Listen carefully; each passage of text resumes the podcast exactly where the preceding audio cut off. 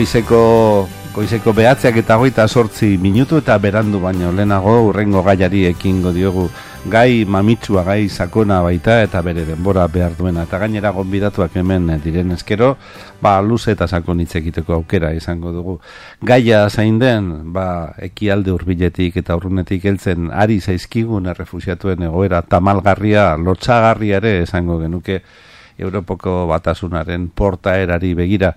Baina zorionez, ba herri mugimendutatik eta gizartetik eta bestelako erantzun positiboak eredugarriak izaten dira eta adibidez, ba gurean ongi etorri, ongi etorri refusiatuak izeneko plataforma eratua da eta lan handia egina dute errefusiatu hoien alde ba, gizatasunez eta bueno, ba, behar duten moduan eh, tratatu tratatzeko. Eta jetako batzuk, hemendik ez ezik, bertara joan, baita ere, eta han bertatik bertara lagundu aiei idomenira adibidez joan dira gure bi lagunak hemen ditugunak, eta hoiek orkestuko dizkizuegu. Nati Obelleiro eta Adela Etxebarria e, dira, o, e, egunon eta mila esker bioi etortzeagatik. bai. Bueno, Nati, zurekin hasiko gara gaur goizeko albiste tristea, eh, tristeagoa esango genuke, tristeak baina gau tristeagoa, idomeni, zuek egondako toki hori, bertan den kanpalekua, desegiten hasi dira. Sortze mila eta bosteun lagun, omen zeuden bertan, omen daude bertan, eta hori desegiteko dabil, desegiteko dabil Greziako polizia, ez? Bai, e, bueno, zuk esan dakoa, are tristeagoa dana, e, bueno, e, jakin badakigu, ez dakigu oso ondo zergatik, baina jendeak ez, ez du handik mugitu nahi, badakigu mori, ba, aspalditik entzuten zala, beraz berria da, baina aldi berean, e, gu egon garen ama egun hauetan, zurrumurruak entzuten ziren egunero, noiz gertatu, ote, gertatuko tezen hau, eta bueno, ba, entzun duzuen arabera, entzun duzuenaren arabera, hasi dira ba, voluntarioak, e, eundaka voluntarioak egon direz bertan, eta kazetariak ateratzen, eta sumatu egiten da, pues, e, gaur jendea ez dakigu indarre, salako borondate indarra erabiliz, baina bueno, badakigu bebai elikagaiak eta sartzeko azken bi edo irogunetan zailtasun handiak izan dituztela, eta bueno, e, kanpamendua un mes gainezka dago, beraz oso zaila da jendearen e, egoera horretan bere, bere zere mantentzea, beraz jakin bakigu ere beste voluntarioen gatik jendea zidala mm, mugitzen, bere kabu, soinez, beste kanpamenduetara, eta bueno, ba gaurre joango gara entzuten eguna aurrera joan, doan neurrian. Adela izugarria da, anatik esan duena da, egiaren kostatazioa, ez da, gaur poliziakoak joango dira, soldadoak poliziakoak joango dira, eta indarrez, bortxaz, gerratik iesi dabilen jende bat, e, jende bati oldartuko zaizkio, eta sakabanatuko dituzte, behar badak kolpatu da tartean, jende zarra, umeak, ze ejemplu baten ari gara. Begira, neurri hau e, iragarrita egon da. Eh? E, daki, deno dakigunez, Europa eta Greziako gobernuak e, sinatu ditulako akordioak deno dakigu errefusiatu guztiak e, kanpamentu militari, e, militarran esku dauden kanpamentuetan e, sartuko dituztela edo ubikatuko dituztela. Gu joan ailegatu ginen idomenira maiatzaren lehenean eta ordurako ja hogeta batetik hogeta lau kanpamentu militarizatua zeuden e, Grezian zer. Beraz, e, e, antolatzen ari ziren beste kanpamentu batzuk eta bai Agnur e, eta gobernua Agnur laguntzarekin e, erref, idomeniko refusiatuek talde kabiltzen zituen informatzeko trenbidea e, garbitu egin behar da, trenbidetik e, kanpalekoak kendu egin behar direla, ze trena martzan jarri nahi dutela merkantziak e, Europara sartzeko. Eta, bai- merkantziak, bai, bai merkantziak pasa daitezke, personarik ez. Personarik ez. E, orduan, e, iragarrita egonda denok jakin dugu maiatz eh, hasieran apirilaren amaierako gero maiatzaren amaierarako edo e, kanpamentu hauek e, espontaneoak edo ilegala deituriko guzti hauek ustu egingo dituztela eta gaurko informazioa da ez bakarrik idomeni ze idomeni amar kilometro barruan beste kanpaleku batzuk ere badaude. Agian jara eta BP e, aste honetan e, ustuko dituztela ere, ekotaz ez dute ez dago informazio hori gaur egun, baina pentsa dezagun kanpamentu guzti guztiak eta hain badira oraindik e, denak e, militarizatu egingo dituztela. Hori gutxi bada, e, guk ezagutu dutugun errefusiatu taldean, en badira mm, siriatarrak, badira irakekoak, badira afganistangoak, pakistangoak eta kurdistangoak. E, Europaren e, helburua eta Greziak horrela esan du egingo duela orokorrean, e, banandu egin nahi dituzte, bitalde egin nahi dituzte. Siriarrak e, geratuko dira e, Grezian, e, Europara, mm, bai asilo eskubide bidez pasatzen diren enean, eh, hainbat. Tantaka, eta tantaka, ez da? Bai, eta bi hiru urtetan kalkulatzen dute ongo direla Siriarrak Grezian, gaurko informazioan arabe. Eta beste errefusiatuak, Siriarrak ez direnak, Turkiara bidaliko dituzte, eta mm, Turkia beraien herrialdetara bidaliko dituzte. E, giza eskubidearen gaia eta asilo eskubidea Europan ez da respetatzen, hori da esan aldugu. Jo, benetan. Datu benetan ikaragarria dira, o sea, gainera bereizketak egiten dituzte siriarrak, siriarrak ez direnak, hauekona, beste gara, merkantziak aipatu dituzu, giza merkantziaz ere hitz egin merko genuke, ez da? Bueno, nati, ze giro, ze giro bizi izan duzue bertan, eh? amabostaldi bat egin duzue, nati, bertan? Bai, bai, amabostaldi bat egin dugu. Bueno, jendeak zer dio? E, jendea egongo da ikaraz, e, izututa, e, gerrari iesi datorrelako, ez da? Orduan nola baita, zorionekoak e, lehenbiziko beldurrari e, ies egin diotelako, baina gero beste beldur baten aurrean aurkitzen dute beren burua. Horein zer gertatuko da gurekin, ez da? Mm, bueno, E, a ber, egia esateko guk egunerokoan, bueno, e, izkuntza, ez da, ez da la medio hain zuzen ere, izkuntzaren, izkuntzarekin genituen arazoak e, kontuan izan da, eta hola, bueno, gu han egonda egiten genuen azan batez ere mm, lanean zentratu, egia lanean fokatu, egon ginen e, lan egiten alako toki batean, ba, umeak... E, bainatu egiten genituen, hemen laguntzeki, laguntzakin eta holan, eta bueno, egun bat ume inguru edo bainatzen genituen egunean, eta bueno, gure kontaktua batez ere zen, e, ama, ama hoiek eta umeekin, baina egia da hizkuntza bueno, traba dala, ez da, bai, dela. Eta... Kriston traba eta oztopua dela.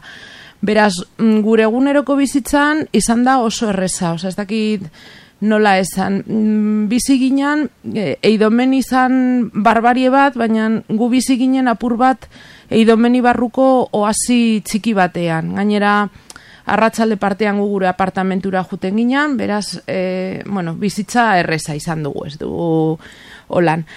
E, bai egia da, pues, batzutan egunaren amaieran pentsatzen duzu nola egon zaren egun oso bat saiatzen e, umeak bainatzen eta eun baino ez zenituen bainatzen jakinda han dago zala pues, milaka ume e, nahiko baldintza txarretan bizi izaten ari direla.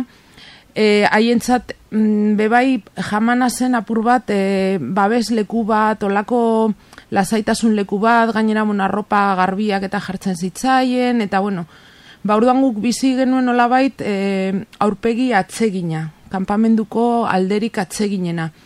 Egia da egun batean sortu zala kristolako izkanbila, ba, siriar talde bat eta turko eta parkatu kurdistaneko talde baten artean, eta orduan mm, e, igartze, oza, iztilua aparte, igarri, igarri egiten zan jendearen mm, egon ezin, ez da nola, pues, e, e, ez dakit, momentu horretan konturatzen zara, jo, ba, jendeak hor dara matxala iru lau hilabete, kanpamendu batean, argi indarrik gabe, ur berorik gabe, negua pasatu dute, euria egiten dauen bakoitzean, a, desastrea da, ze lurra, oza, lurrak ez dura onartzen, eta bueno, Basatza izango da, bai, eta orduan, Orduan konturatzen zara horrelako momentuetan, beste laguk egunerokoan, ba, karo, umeak etorten ziren, eta soka bat atera eta jolasten jartzen ziren leku alaia zan guretza zentsu horretan.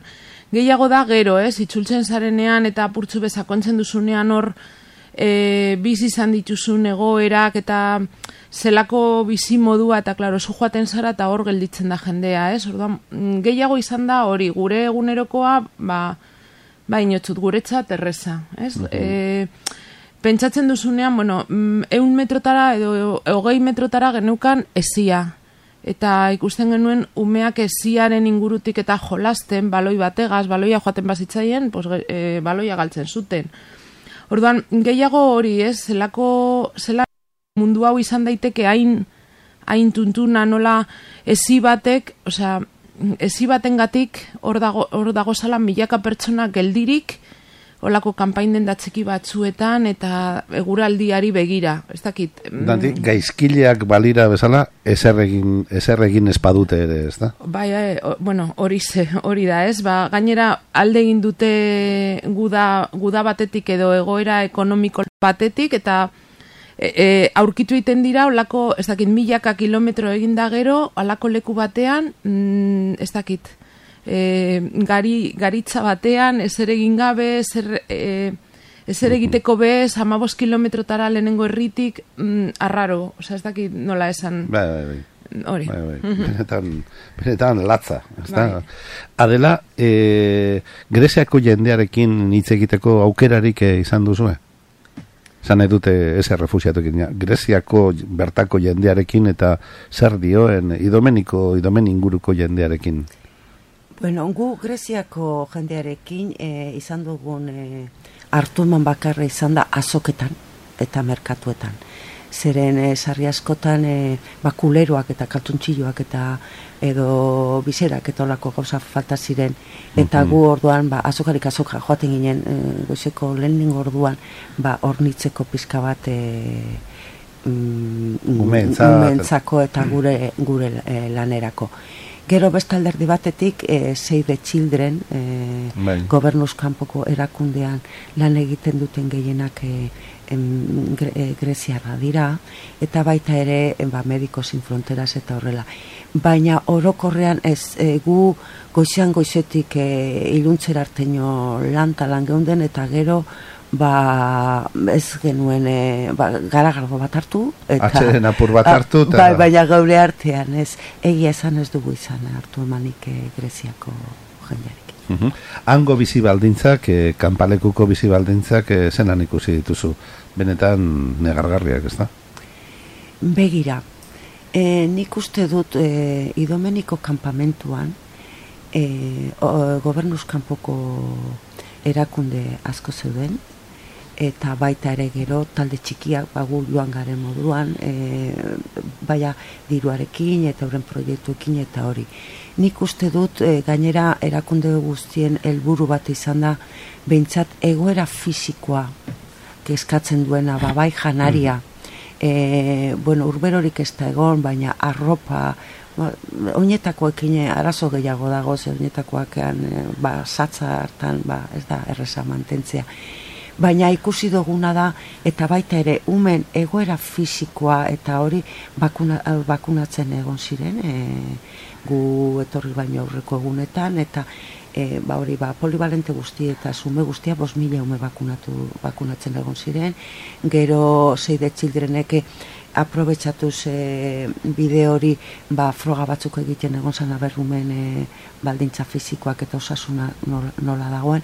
Bere, berez horretan e, esan behar dugu kanpamentuko baldintzak e, egoera latza izanik ere hor e, indar guztiak gu joan ginenean adibidez medikoak eskatu zituzten eta e, sanitarioak kam, e, idomeni medikus eta sanitarioz beteta zegoen. Adibidez, gurekin jamanean umea dutxatzen eta ura berotzen eta bili direnak egina medikoak izan dira, zegoen lanik medikuentzat. Hori esan behar da.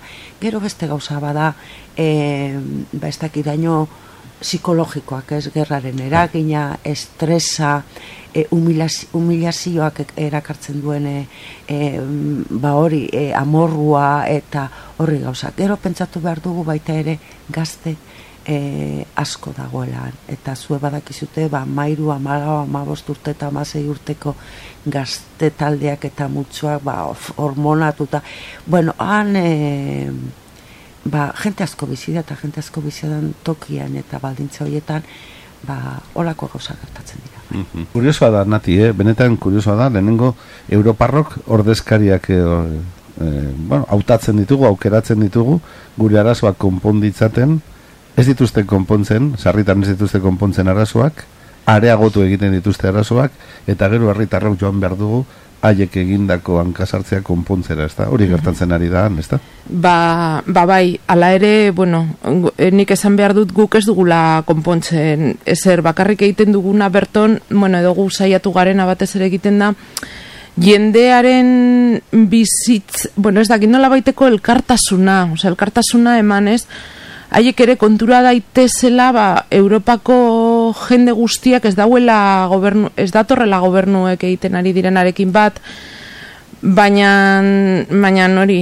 guke, osea, konstienteak ginen, osea, egiten ari ginena oso oso txikia dala, osea, gu joan da, eta benetako lana dagoela, osea, gu gobernuei egin aldiegun exigentziekin eta benetan, bueno, badakigu balaster datoz autoskundeak eta hor badagoela apostu importante bat, baina dena dala, osea, ez dakite ezigitu behar zaie guztiei, osea, mm, behinik behin giza eskubideak eh, bete ditzaten, gogoratzen gara, bigarren guda mundiala eta gero emoten zuen, jendeak ezekiela, ezuela ezerekin ez dakiz zergatik, eta orain, egoera antzeko parezidoa da, eta ez da mugimendu askorik eh, somatzen, ez gobernuen partetik, ez e, instituzio txikiagoetatik, orduan, bueno, ba, hor badaukagu, badago zeregina, eta nik uste dut gure zeregina horretan dagoela, eh? behin da berriz,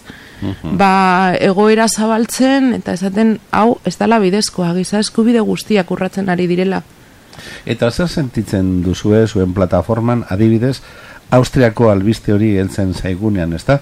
Austriako hauteskundeak egin berriak direo, eta ultranazionalista bat, ultraeskuindar bat e, egonda hor, eta ekologista bat, azkenan ekologista nagusitu zaio besteari, baina oso alde txikiaz, eta kanpainaren eta hauteskunden ardatza errefusiatuak izan direla jakiten dugunean. Horra, hau da, kezka, nola izan daiteke errefusiatuena austriarren kezka nagusia?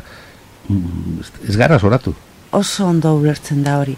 Ni ziur nago, e, esiak eta mugak itxi dituzte, ez da horren beste jendea ez da pasatu, baizik eta Europako populazioaren e, portzentaia handi batek e, nahi duelako ez e, kontaturik ez izatea e, etorri berriekin eta kasu honetan e, refusiatu zirioarrekin edo e, ekialdeko jendearekin.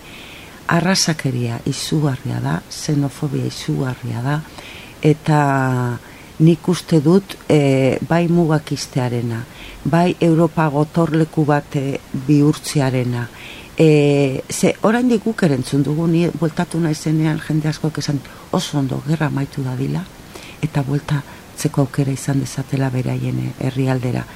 Baina ona ez daitezela etorri, hemen zer egingo dugu. Islamofobia handia da eta razakeria handia dago. Hori jakinda herritarren art, Europako herritarren artean e, e, holan, holan espresatzen dela jende multzo importantea, gobernuak e, hori babesten ari dira. Ez, mm, eta hori oso oso arriskutsua da.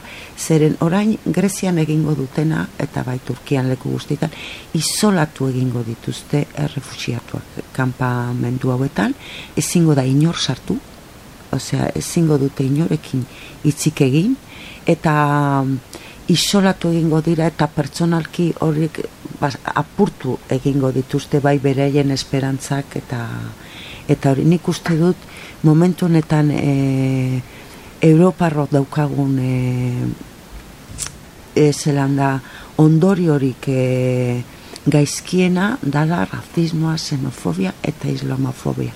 Gure hurbilekoari beldurra izatea gaizkilea direlako, e, orain ekialdekoa direlako, bihar e, Afrikakoa direlako, hori horrela da. Eta bide horretatik badakigu nora badakigu nora eta Austriakoa horren adibide bat besterik ez da Horreatik eta pena da ebeti izaten dugu berdin pentsatuko duzue gure aitzakia dela irratian denborak egintzen du hemen moztu behar dugu baina mosteak ez du esan nahi ustea eh?